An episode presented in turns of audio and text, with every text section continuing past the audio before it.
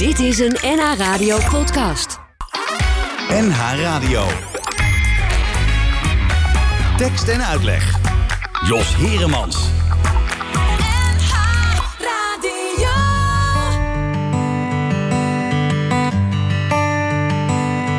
Alles is veranderd. Alles is hetzelfde. Alles is kapot. Alles doet het nog. Alles staat stil. Alles gaat door. Alles heen. Er is niets meer dat ik zeker weet.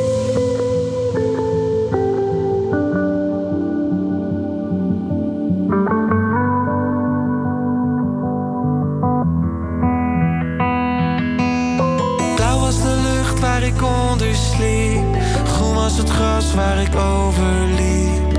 Er konden wolken vol zorgen zijn. Uiteindelijk dreven ze toch voorbij. Ik ben op zoek naar de rode draad. Iets wat het allemaal logisch maakt. Ik wil weer zien zoals ik zag toen ik jou nog had. Want alles is grijs. Alles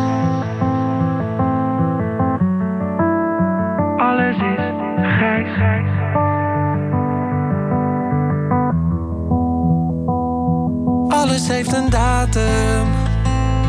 Alles is oneindig.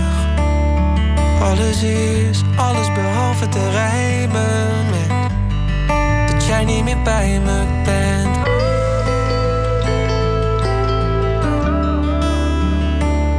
Want ik kan de zon wel zien, maar ik voel de warmte niet.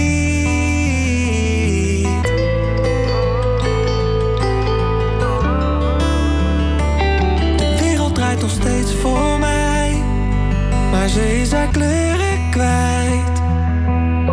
Blauw was de lucht waar ik onder sliep, groen was het gras waar ik overliep.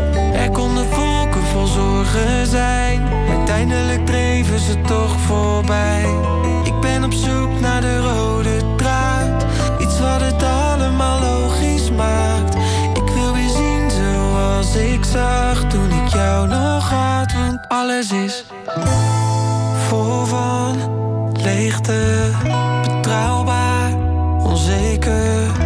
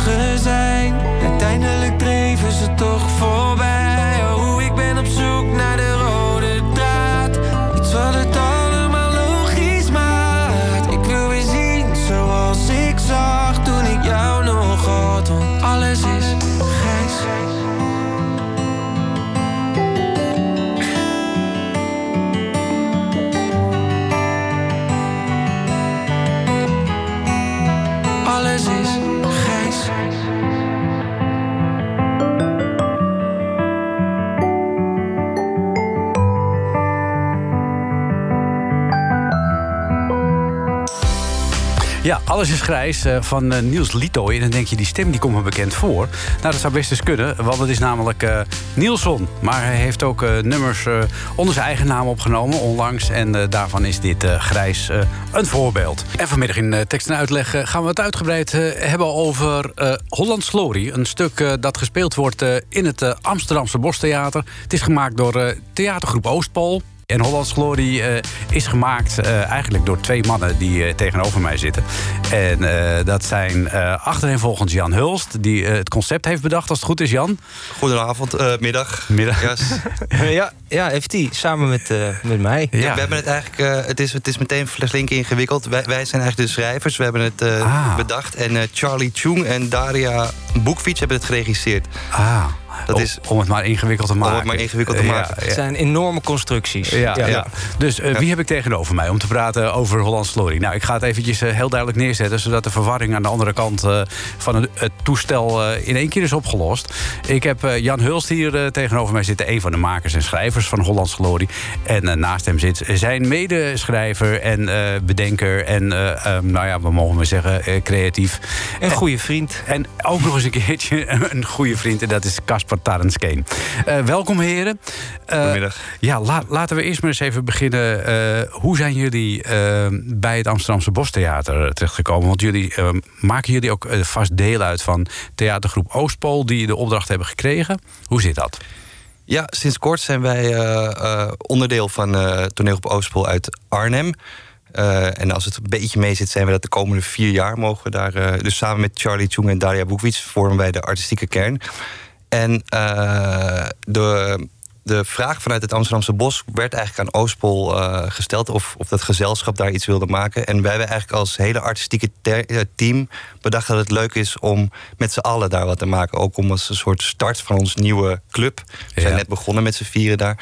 Ehm, daar meteen met z'n allen. Dus wij hebben het geschreven en die anderen hebben het geregisseerd. En het voelt echt als een project van het he- hele nieuwe team. Ja, dat kan ik me voorstellen. Maar, maar hoe is dat, eh, Casper, als je dan zeg maar als start van het nieuwe team... meteen de opdracht krijgt om dan maar iets voor de hele zomer... in het Amsterdamse Bos te maken? Te gek en ook doodeng. Het Ja. is zo'n magische plek. Als je daar komt, je, je kijkt om je heen naar dat, dat bos en die lichtjes. En je kan daar zitten met je picknickmand. We hebben er allemaal wel eens geweldige voorstellingen gezien. Als je daar om je heen kijkt, dan denk je eigenlijk... ik kan het alleen nog maar verpesten. Oh, nou, dat is een opwekkende gedachte dan, hè? En daarna wordt het te gek. Want dan Ja. gaat je fantasie totaal de vrije loop. Wat kan je hier allemaal doen voor spektakeldingen... of gigantische Ja. mooie shows. Ja, en, en, en wanneer was het eerste idee? Hè? Wanneer eh, konden jullie eh, vrijuit gaan denken van nou, eh, we kunnen los? Eigenlijk kwam dat uit het voortdenkend uit dat, dat, dat, dat bos wat je al hebt als daar. Mhm. en ehm, wij hebben altijd, zijn altijd geneigd om vrij filmische voorstellingen. filmisch te denken in Mhm. voorstellingen. En toen hadden we eigenlijk iets van: ja, moeten we daar niet een soort dat bos gebruiken en niet een soort plaggenhutten toneel gaan Mm. maken of een soort geschiedenisstuk? Ja, Toen kwamen we eigenlijk op de vraag van welke. Welke geschiedenis eeuw gaan we doen? Gaan we dat de bronzen of gaan we dat de apen? En uit dat gesprek is eigenlijk voortgekomen dat we eigenlijk een, een stuk wilden maken over die vraag van welke geschiedenisverhaal willen we eigenlijk vertellen? En eigenlijk Ja. is die vraag de basis geworden van. ja. Het begon, het begon heel erg eigenlijk met... Maar hoe lang geleden is dat? Hoe lang van tevoren ga je erover nadenken? Oh, eh, maand, maanden. Dat, Dus ja, meer dan een jaar was dit. meer dan een jaar geleden, ja. Ja. ja. Ja, en het begon echt met nadenken over een, eh, wat voor personage we interessant zouden vinden. Het begint heel klein eigenlijk. Over wie willen we een verhaal vertellen. Toen hadden we eigenlijk in een, in een soort gewoon babbelgesprekje van... hoe leuk zou het zijn om een voorstelling te maken... over iemand die woont in een museumpark. En die daar slaapt en die daar zijn hele leven heeft ingericht. Het is een soort eh, land van ooit of zo. Ja, precies. Ja. Een beetje zoals het, zoals het Archeon of zo- zo'n geschiedenispark. Eh, en van daaruit ga je dan denken: oké, nou dat is een leuk ideetje. Iemand die daar woont, de hele, de hele praktische kant van het verhaal waar slaapt, die haalt hij zijn water bij de beek. En daarna, oké, maar waar gaat het nou eigenlijk over? Nou, hij speelt in een geschiedenisvoorstelling. Welke geschiedenis gaan we hier vertellen? Ja. En dan kom je in de hele eh, stroom van denken over hoe kijken we eigenlijk naar onze geschiedenis. Ja, het leent zich ook blijkbaar eh, voor eh, geschiedenisvoorstellingen. Het Amsterdamse Bos. We hebben natuurlijk de Drie Musketiers gehad van de Warme Winkel. Dat was ook zo'n spektakelstuk in de open lucht. He- hebben jullie daar ook inspiratie uit opgedaan? Zeker, maar wij, wij- we zijn allebei vorig jaar naar de, de Drie Musketiers geweest. Ja. Maar ik moet wel bekennen dat wij toen al wisten dat we de volgende voorstelling mochten schrijven. Dus dat we vooral ook aan het fantaseren waren van wauw, eh, dit is te gek, maar wij mogen volgend jaar. Dus dat was ook wel. eh, eh, ja. En een ander, wat je, wat je zei over die geschiedenis. Het, het, er zijn veel geschiedenisvoorstellingen, maar de grap is dat. bij ons gaat het over een, een museumpark, een geschiedenis, een nationaal historisch museum eigenlijk.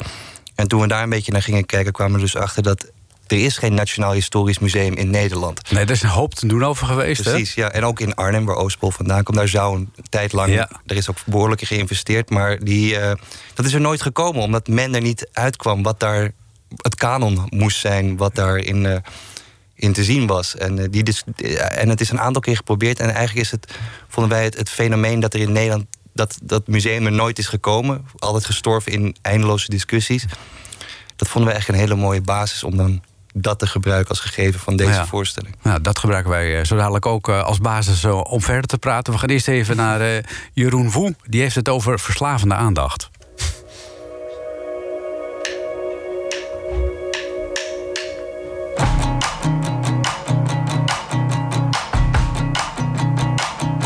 Ze vond mijn oude foto's. Legde ze op tafel en ze zei dat ik een grappig kindje was. Gescharreld in mijn kastjes. Haar hand ging langs mijn boeken en ze vroeg: Wat is het mooist dat je ooit las? En de onwaarschijnlijke ogen waar ik zomaar in verdwaalde.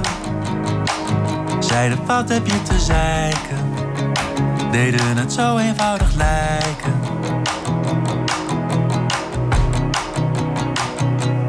Zingt en staat te dansen.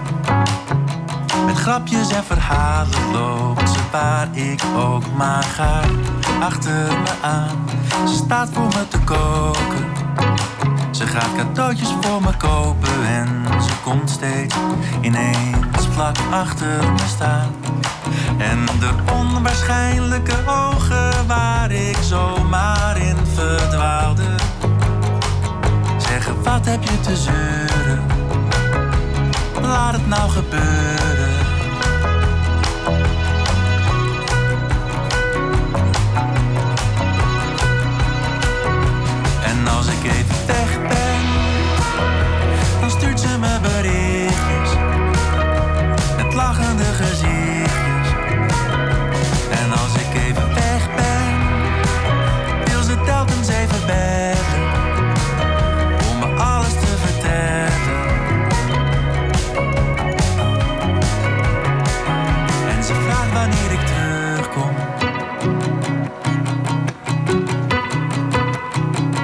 Aandacht is verslavend. Je aandacht is verslavend.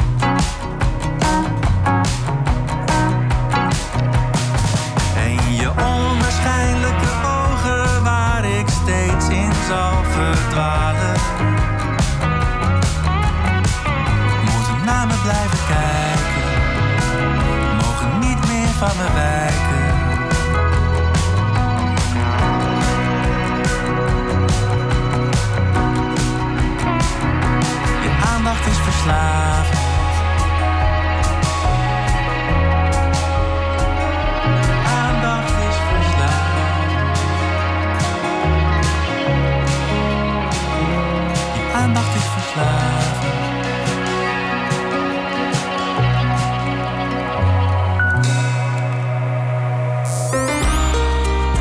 Tekst en uitleg. En uitleg. NH Radio. Ja, en eh, de aandacht die verslavend is, eh, dat was het nummer van eh, Jeroen Woe. Ik eh, praat in tekst en uitleg vanmiddag met eh, Caspar Tarens Keen en Jan Hulst. Zij zijn de bedenkers van Hollands Glorie. Dat is het stuk dat de hele zomer lang in het Amsterdamse Bostheater te zien is. En eh, gelukkig eh, is het weer eh, prachtig weer. Maar ehm, eventjes om de actualiteit in te gaan, Casper en Jan. Jullie hadden wel met tegenslag te kampen in deze première week. Want er waren twee acteurs ziek. Dus er gingen een aantal voorstellingen niet door. Hoe, hoe erg is dat? Nou, dat is natuurlijk dat is heel erg vervelend. Maar Het was echt meteen raak, ja. En ze hadden niet eens echt corona... maar ze waren in aanraking geweest met iemand die positief getest werd. En omdat we natuurlijk, het is een groot evenement... en we willen super voorzichtig zijn... Ja. meteen allemaal dichtgegooid, eh, die voorstellingen gecanceld... eh, en in quarantaine. En Jeetje. vandaag hoorden we dat ze negatief getest zijn. Oh. Dus kunnen we weer aan de bak. Dus er kan weer gespeeld worden. Gelukkig maar, want eh, het is een prachtig mooi stuk. eh, eh, fijne kritieken ook. Hollands Glorie, laten we daar even bij eh, dat, dat uitgangspunt eh, bekijken. Jullie hebben een themapark. Het themapark, wat jij al zei net, eh, Jan. eigenlijk wat er nooit gekomen is in Nederland. Een soort Nationaal Historisch Museum. We moeten het hier in Noord-Holland doen met het Zuiderzeemuseum. Maar verder komen we ook eigenlijk niet. Wa- ja, door wie wordt dat bewoond? Want er is één grote hoofdrolspeler. Thijs Reumer. Ja, ja precies. Ja, nou, nou, Drop Ja. de naam. ja, drop de naam. Die, die in een oranje pak in allerlei promofilmpjes in de ronde huppelt.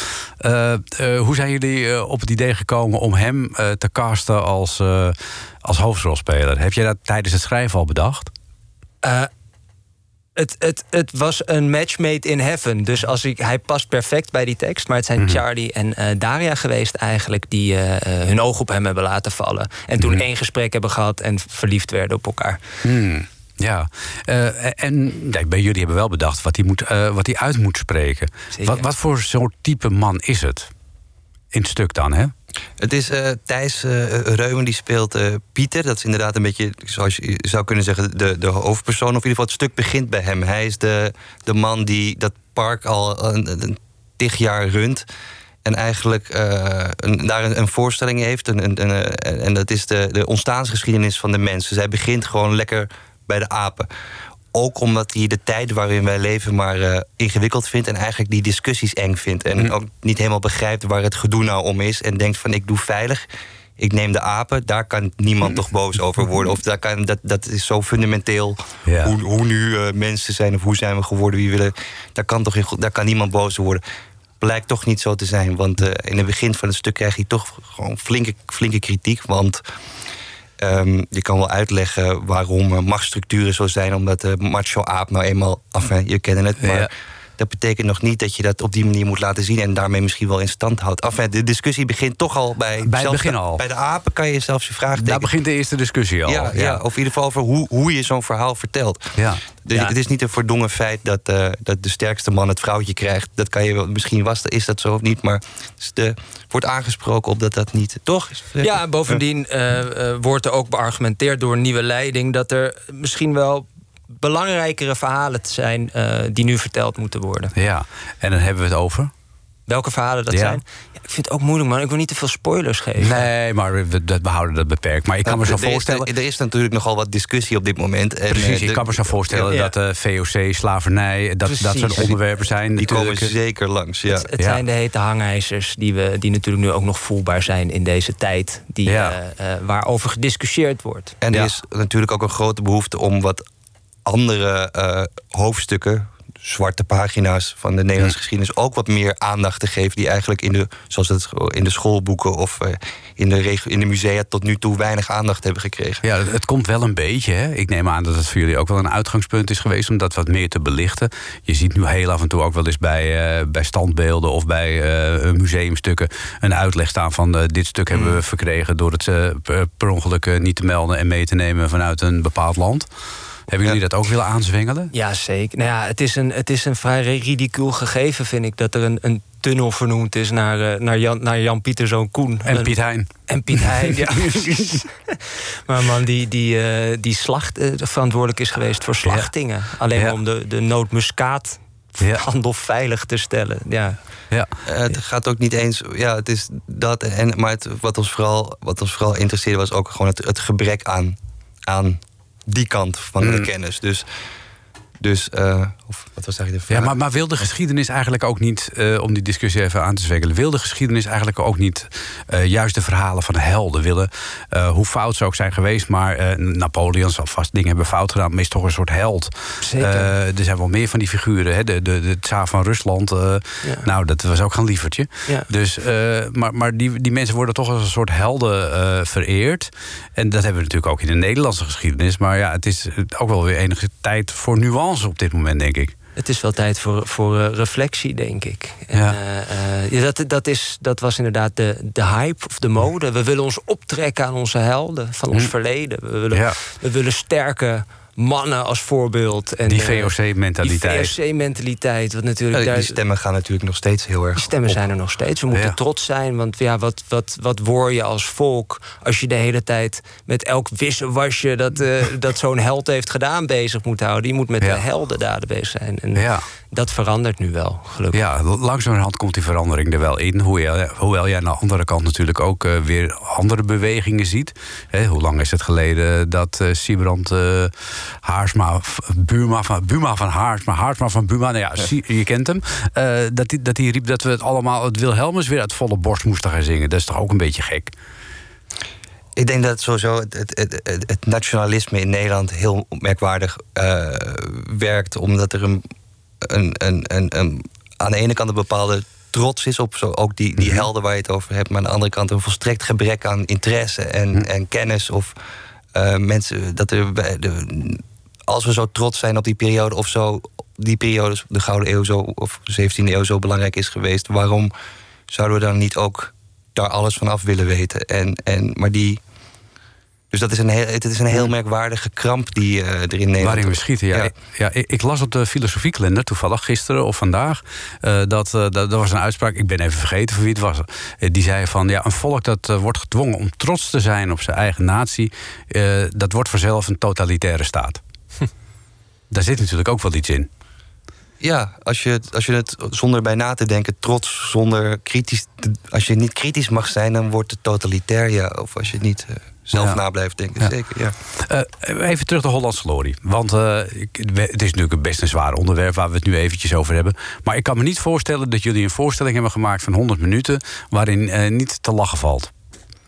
Nee, zeker. Er zit, er zit zeker een hoop humor in. Maar dat is voor ons ook onvermijdelijk op het moment dat je deze discussie eh, recht aan doet, eigenlijk. Mhm. Die onderwerpen liggen zo ver uit elkaar en de meningen liggen zo ver uit elkaar eh, dat de discussie vanzelf eh, humoristisch wordt. Eigenlijk. Ja, ja, en die tegenstelling is er op het toneel. Merk je die ook bij het publiek? Ehm, nou, dat is moeilijk natuurlijk. Want je, je, hoort, je, hoort een, een, een, eh, je hoort een lach of je hoort niks. Zeg Mhm, maar. ja, Ik zit wel de hele ja. tijd te kijken naar het publiek. Maar je merkt wel dat er, zit één gedeelte in waar e- eigenlijk alle. eh, dat is toch spoiler. Ik ga toch mensen die niet willen horen even niet luisteren. Maar eh, er zit één gedeelte in waar alle schaamtevolle momenten Mhm. uit onze Nederlandse geschiedenis eh, de revue passeren. Ja. En daar merk ik wel, als ik dan helemaal achterin zit en kijk naar die achterhoofden van de mensen, Ja. dat mensen heel verschillend re- reageren. Ja. Dus sommige mensen zie je echt een beetje in één krimpen. Sommige mensen zie je een beetje, een beetje bes- beschaamd lachen. Mhm. En andere mensen, sommige mensen wat meer van kleur, die, die kijken om zich heen. En die zitten gewoon een beetje wat. Ah, ja, dit gaat over jou, Ja, dit gaat over jou. Ja, ja, ja. Dat is- dat is leuk leuk om te zien natuurlijk. ja. En het is ook, ik bedoel, dit is zo. Dit, dit, dit- voor veel mensen voelt deze discussie of deze tijd zo. eh, eh, verkrampt bijna. Dat, ik hoor Mhm. veel mensen die durven bijna niet eens meer. eh, want ze zijn bang om iets fouts te zeggen. En het is- zijn ook ingewikkelde onderwerpen waar je precaire dingen. Maar het kan ook bevrijdend zijn om mensen die fouten te zien maken op het podium. Dus het is ook een herken, het is Ja, ook het is lach om herkenbaar, herkenbaarheid. ja, mensen die proberen iets goeds te zeggen, zoals ik nu ook weer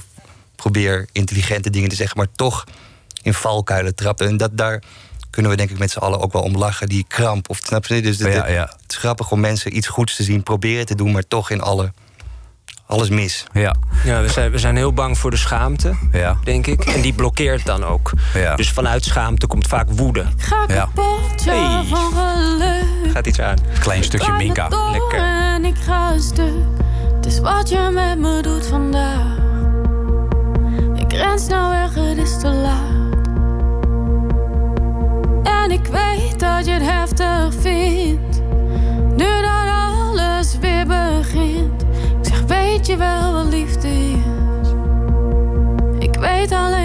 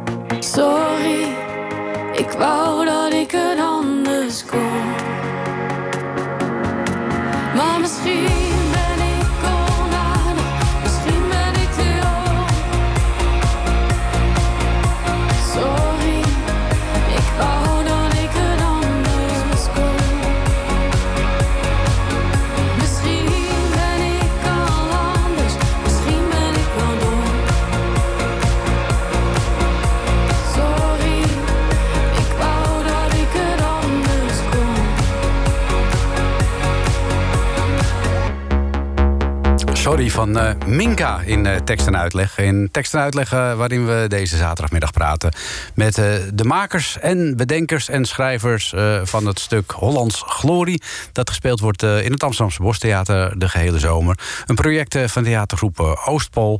En Jan Hulst en Casper Tarenskeen die hebben dat samen geschreven. Daar wil ik het ook even met jullie over hebben, jongens. Want hoe ingewikkeld is dat om samen iets te schrijven? Het lijkt mij heel moeilijk. Superleuk. Oké. Ja, het lijkt mij weer heel moeilijk om iets in je eentje eigenlijk te schrijven. Dat is een beetje. Ja. Nou ja, ik kan me wel voorstellen dat je iets in je eentje schrijft... en dat dan, eh, na, hè, als je een bepaalde versie hebt, dan tegen iemand aanhoudt. Maar om dat, altijd, om dat steeds met z'n tweeën te doen, hoe, hoe, hoe pak je dat aan? Hoe begin je? We hebben daar ook wel een verdeling in. Dus Mm. het is eigenlijk Jan en ik bedenken een soort concept. Dus Mhm. we beginnen met, eh, met personages bedenken. Wat vinden we interessant aan die personages? Wat willen ze? Eh, en dan uiteindelijk ga ik echt de tekst schrijven. Mhm. Eh, en dan ga ik weer een versie naar Jan sturen en dan gaan we daar weer over kletsen. Oh, dus eh, we zitten niet zo, eh, nee, dat woordje daar, dat moet je anders doen. Of we zitten niet om de beurt een zin te bedenken. Dat Mhm. lijkt me inderdaad wel echt de Ja, hel eigenlijk. ja. En, hoe komen jullie tot het aantal personages? Ben je daar, moet je je daarin beperken door het aantal mensen dat Oostpol ter beschikking stelt? Of kun je daar helemaal de, de, de, ja, je, je gedachten helemaal de vrije loop in laten? En denken van nou ja, dat, dan spelen ze maar dubbelrollen. Nou, in dit geval was het wel een wens van het, eh, van het hele team om, een- om soort een grote groep eh, eh, mensen cast te hebben. Ik geloof dat het tien acteurs zijn het. Zijn, het zijn tien acteurs, ja. Ja, ook omdat we wilden dat het mensen zijn, er zijn ook mensen van verschillende achtergronden, omdat dit stuk gaat natuurlijk over allerlei perspectieven op die Nederlandse geschiedenis. Dus we wilden ook een veelheid aan, aan, aan perspectieven in dit geval. Dus we hadden wel iets, eigenlijk nog voordat we begonnen, we, eigenlijk een flinke club acteurs was wel het uitgangspunt. Dus, ja, nou dat is gelukt. ja, dat ja, dat Ja. die, die, die waren er ook. En het daarbinnen is- heb je ook nog wel gewoon een, een grappige strijd de hele tijd tussen zakelijk. Die dan zegt: wat, wat wil je nog een acteur? en dan wij die dan opeens een stuk schrijven waar toch acht beter is. En dan Ja. Charlie en Daria, de regisseurs, zeggen: van nee, we willen tien, we willen grootheid. Dus dat, dat pingpongt een beetje heen en weer de hele tijd. ja en, en wanneer was het klaar? Dat je dacht van nou nu durven we het uit handen te geven. En eh, jongens, eh, hier, hier is het eh Bostheater. eh, ga maar met ons stuk aan de gang. Je- moet een deadline hebben, want anders ga je gewoon tot in de oneindigheid door Mm. met pielen en schaven. En misschien toch weer opnieuw beginnen zelfs. Ja. Dus het was klaar twee dagen voor de eerste dag dat ze begonnen met repeteren. Ik vind het een beetje kort dag. Ja, dat, dat, ja, ja, net op tijd zou ik zeggen. Toch? Ja, dat, dat weer wel, ja. Maar eh, is dat echt, eh, heb je dan niet zoiets van... oh my god, zal het, eh, is het wel oké nu? Want dan kun je er niet zo heel veel meer aan doen. Natuurlijk, het is ook die eerste, zo'n eerste lezing is ook. eh, kijk, wij, wij schrijven altijd onze stukken die we zelf regisseren. Het is altijd een soort proces wat bij ons doorloopt. Dus we vaak. Vaak hebben we ook als we zelf regisseren dat we nog dingen veranderen in de Hmm. tekst. Omdat we dan. En nu gaven we het natuurlijk uit handen. Dus hadden we wel het gevoel dat er een versie moest liggen die echt speelbaar was. Of, Ja. Maar zo'n eerste lezing is ook heel, heel spannend. Omdat je dan gewoon voor het eerst hoort. Maar ik heb, dat is niet om. Ik geloof dat we nog nooit zoveel eh, zo'n leuke eerste Super lezing. hadden gehad. Ja, lezing Ja. was heel leuk. En als je dan hoort dat het mensen lachen of werkt... of dat het de aandacht alleen al bij het lezen blijft... dan, dan, dan is het wel heel goed Dan gevoel. zit je wel goed, ja. dan Ja. valt er een enorme last van je, van je af. Ja, ja. En na zo'n eerste lezing, is het, is het dan uit jullie handen? Gaat het dan eh, naar de acteurs en naar de regisseurs toe? Of mag je er dan toch nog wel tegenaan blijven bemoeien? Mag, maar ik vind het zelf altijd lekker om dan gewoon even een maandje niet eh, mijn gezicht te laten zien. Want dan kunnen ze er ook echt even het helemaal van zichzelf maken. En dan Ja. kom je terug, weet je, en dan zie je wat die acteurs ermee hebben gedaan en die regisseurs. En dan blijken hele andere dingen grappig dan je ooit had verwacht. En is het dan meteen in het Bostheater al? Als je het dan weer voor de eerste keer ziet? Of is dat is toch in de repetitiezaal? Eerst in Oostpol. Dus het Oh, is allemaal eerst in, eh, in Oostpol neergezet, wat ook heel grappig was. Want het is veel kleiner. Mhm. En je repeteert het voor een gigantisch eh, toneel, een gigantische afstand. Dus als ik dan kwam kijken naar een doorloop, dan zag ik allemaal acteurs die in een hele kleine ruimte heel erg groot en hard aan het praten waren. Ja, ja, ja. ja, dat is wel weer grappig. Wat ook bij het Amsterdamse Bostheater hoort... is eh, dat je grootse en meeslepende en verrassende decors hebt. Hoe is dat eh, in dit stuk gegaan? Daar hebben jullie eigenlijk helemaal niks over te zeggen... maar ik wil toch even weten. Nou ja, we, we willen er niks over te zeggen hebben. Want eh, Dennis van der Broek, de, de decorontwerper, die had een, heeft een geweldig eh, decor gemaakt. Het, zijn eigenlijk, het is een, echt een enorm. Ik geloof, ik weet niet, het is een enorm architect. Bijna, het lijkt op. eh, Wat zijn het? De De trappen? trappen van het Louvre heeft hij Ja, gewoon een, museale, bijna een, een soort Griekse eh, tempelachtige Huge. paleis lijkt het wel. Maar de grap is dat het helemaal felgroen is. Greenscreen groen. Kijk. En dat is eh, eigenlijk zo lelijk. Niet het decor, maar die kleur is zo in je gezicht dat het weer heel mooi is. En het steekt heel raar af. Dat artificiële steekt heel mooi af tegen de. Tegen het natuur rondomheen. Ja. En de grap is natuurlijk dat het, dat het greenscreen groen is, natuurlijk eh, wordt gebruikt in films om daar vervolgens achtergronden op te plakken. Ja. En aangezien wij zo switchen in, eh, in tijden de hele tijd, van de gouden eeuw naar eh, dit en dit en dat, is dat een hele mooie ding, want je kan daar dus de achtergronden achter Je plakken. verbeelding op Ja. je project. Kijk, dat, dat is Ja. wel weer mooi bedacht Ja. natuurlijk ook. En er zit een valluik is- in. Wat zit erin? Een valluik. Oh, dat is altijd leuk, toch? Ja, valluik is altijd goed. Ja, ook vet. ja. Dat is een spoiler, dames en heren, maar maakt niet uit. Er zit een valluik. Dat is een goede spoiler. Een goede spoiler. Een leuke spoiler. Eh, jullie hebben het nu gezien, de première is geweest. Eh, eh, hoe zit je dan verder? Ben, je dan, ben je dan tevreden? Of is het dan met geknepen billen wachten tot de e- eerste recensies komen?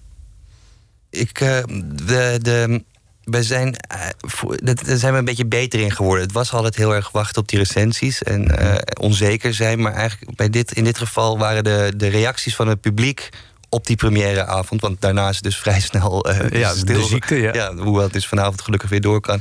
Maar de, de reacties van de mensen in, het, in de openluchtzaal waren zo uitgelaten, positief, fijn. Dat we daar heel veel zelfvertrouwen van hebben ge, en, eh, ge- Dat is sowieso een bijzondere avond. Om daar weer met, met duizend mensen die daar waren. Buiten, in de buitenlucht. Voelde alsof je in Zuid-Frankrijk stond daar. Eh, dat, dat was een geweldige avond. Ja, Dus dat, kan, dat kan voor ons niet meer kan niet meer stuk. Kan niet meer Nee. stuk. Jullie Ja. gaan goed de zomer door. Nou, Ja. ik, eh, ik hoop dat het eh, een geweldig succes blijft. Dat er niemand muziek wordt. En dat er nog heel veel mensen mogen komen kijken. Ondanks alle beperkingen die, waarvan we nooit weten wanneer ze weer komen en wanneer ze weer Nee. opgeheven worden. Maar het Amsterdamse Bostheater is natuurlijk een geweldige En, ervaring. en buiten, dus het is... Ja, het is Safe. altijd safe. Ja. Safe het, ja, de bar is ook gewoon open. Dus ik zou zeggen, mensen, ga allemaal naar het Amsterdamse Bos. Eh, ga kijken naar dat eh, mooie stuk Hollands Glorie van eh, toneelgroep eh, Oostpol. En ik wens jullie nog heel veel succes. Want ik kan me zo voorstellen dat dit niet het laatste stuk is dat jullie samen zullen schrijven. We hebben er alweer in oktober een, een nieuwe gepland staan. Die we Oh. ook regisseren zelf. Kijk eens aan. Nou, Baby Crazy. Hoe? Baby Crazy heet hij. Maar daarover volgende keer meer. dankjewel. Dat is een hele mooie cliffhanger. Dank je, dankjewel. dank zijn. Tatenskeen en eh, Jan Hulst. U bedankt.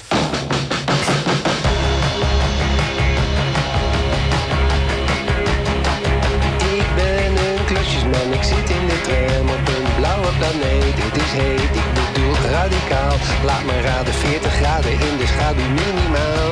Shirt plakt, heel Holland bakt, alles past, alles kan. In mijn tingeltangel restaurant, ik net als een vers, kip op gevoel. Hang in de stoel, als een fossiel, geen account, geen profiel. Ik ben een kluizenaar, duister maar we hebben een klik. Jij en ik, lieve wereld om me heen. Het rondje van de zaak, brik voor iedereen. Ik laat me vallen in het gras, in het strafschopgebied. Ik heb nog meer te doen, of eigenlijk niet.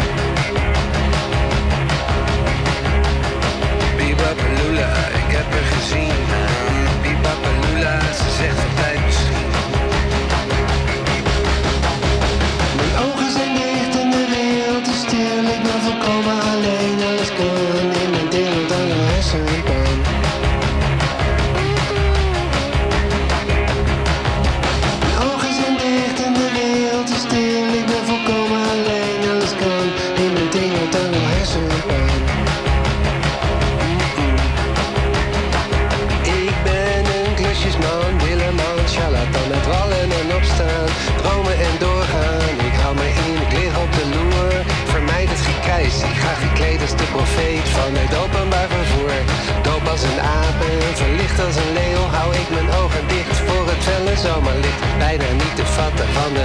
zachtjes sneeuw.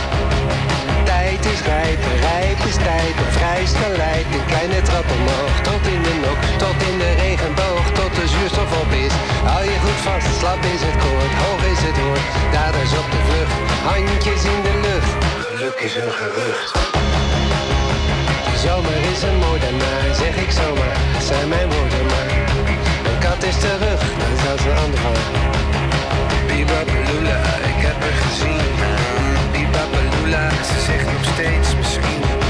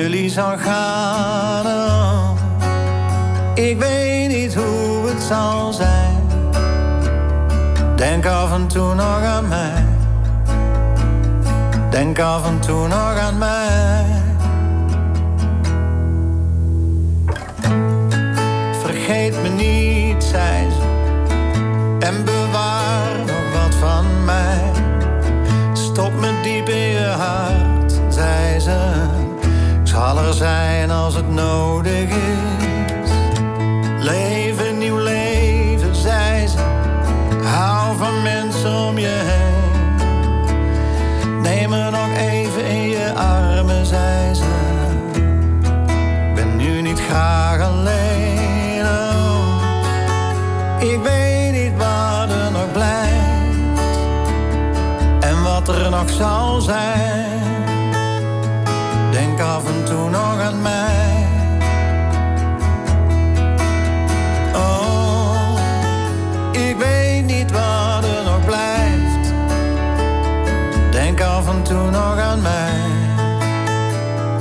Denk af en toe nog aan mij. En toen er niets meer was, kwam ik iemand tegen. Hoe het voelt, weet ik nog niet.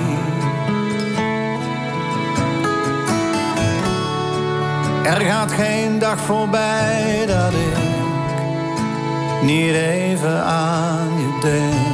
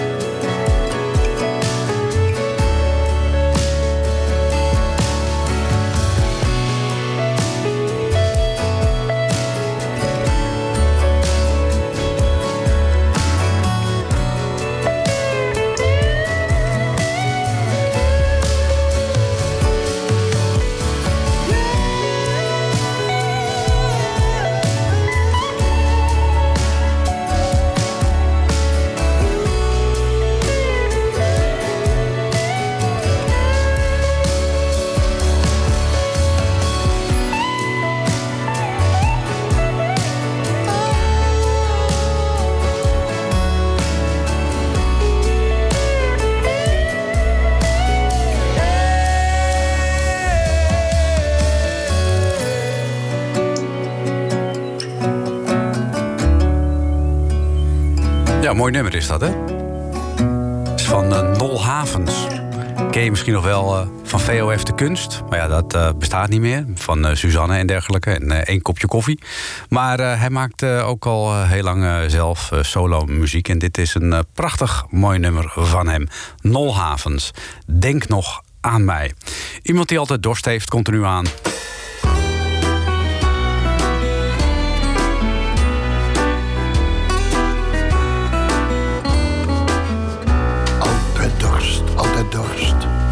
Altijd dorst en altijd wat. Ach, je ziet ze zo vaak lopen. Het door de stad. Vraagt voorzichtig om een euro. Staat daar bij de Albert Heijn. Een euro voor een biertje. Of een fles goedkope wijn. Met z'n allen op een bankje. Lege flessen om hen heen.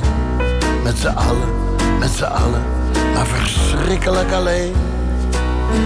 Altijd wat, altijd wat, altijd wat en altijd dorst.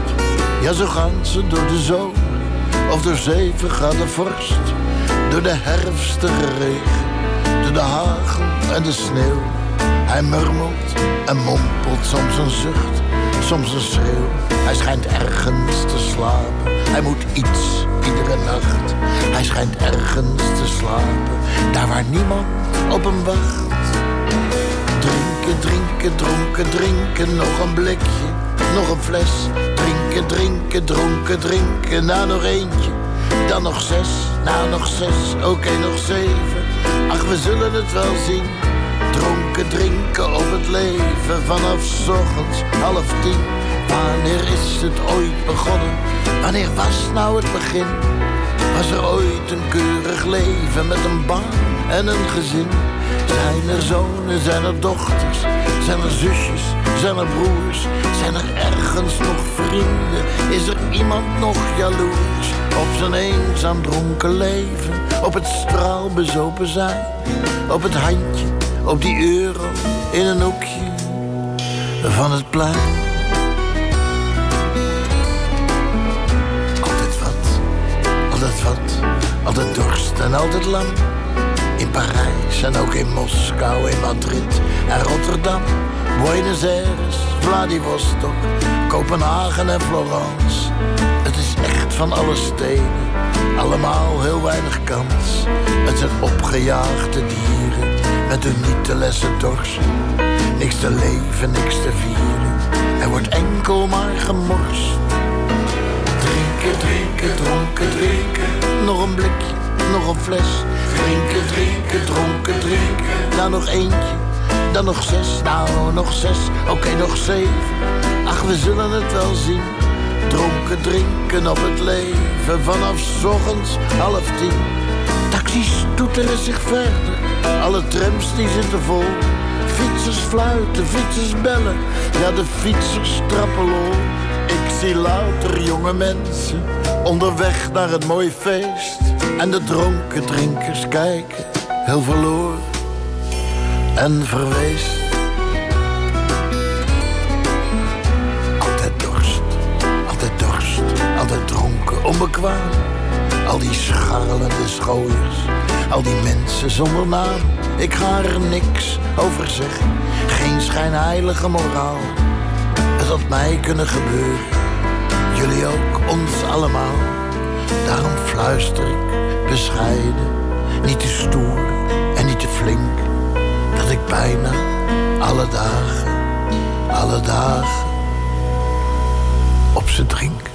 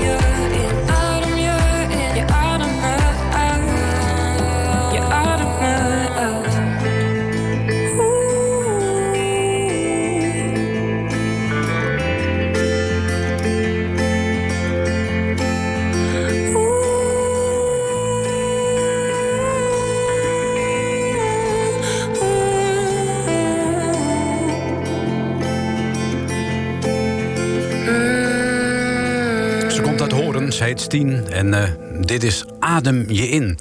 Eh, wij hebben bij eh, NH op eh, televisie altijd een hele leuke televisieserie. eh, Iconen heet die. Die wordt gemaakt door eh, Robert-Jan de Boer. Waarin hij eh, iconische Noord-Hollanders eh, portretteert. En een van die eh, Noord-Hollanders is eh Sjaak Zwart. eh Mr. Ajax natuurlijk. En dat bracht mij weer op het idee om eh, te gaan zoeken eh, naar liedjes over Sjaak Zwart. En verdomd, er is er een. Geschreven door cabaret Ivo de Wijs. Over het afscheid van Sjaak Zwart toen ter tijd, in 1972, 73... in het Olympisch Stadion in Amsterdam. Luister maar. Shaki, het requiem van een profvoetballer.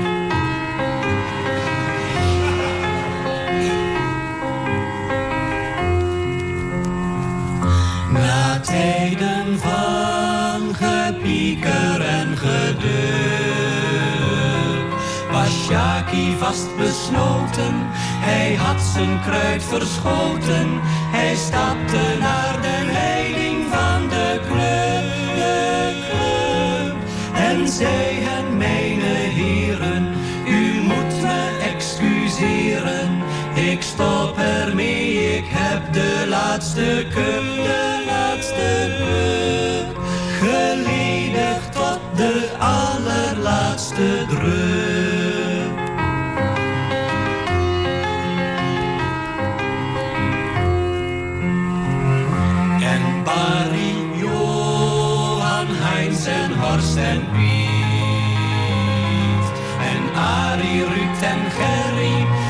Zuchten het verderrie.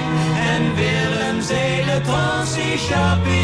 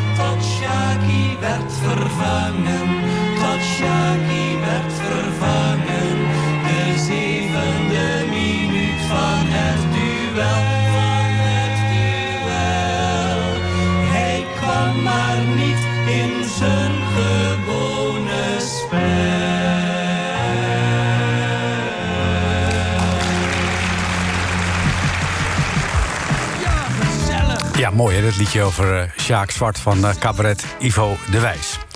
Straks het Gouden Hitsmuseum met eh Ferdy Bolland. En ik stuur de zaterdagavond natuurlijk niet in... zonder een versje uit de bundel Lichte Versen in Zware Tijden. Ik neem het niet al te letterlijk... maar volgens mij is dat vakantievirus erg besmettelijk. Ik wens je nog een gezellige zaterdagavond.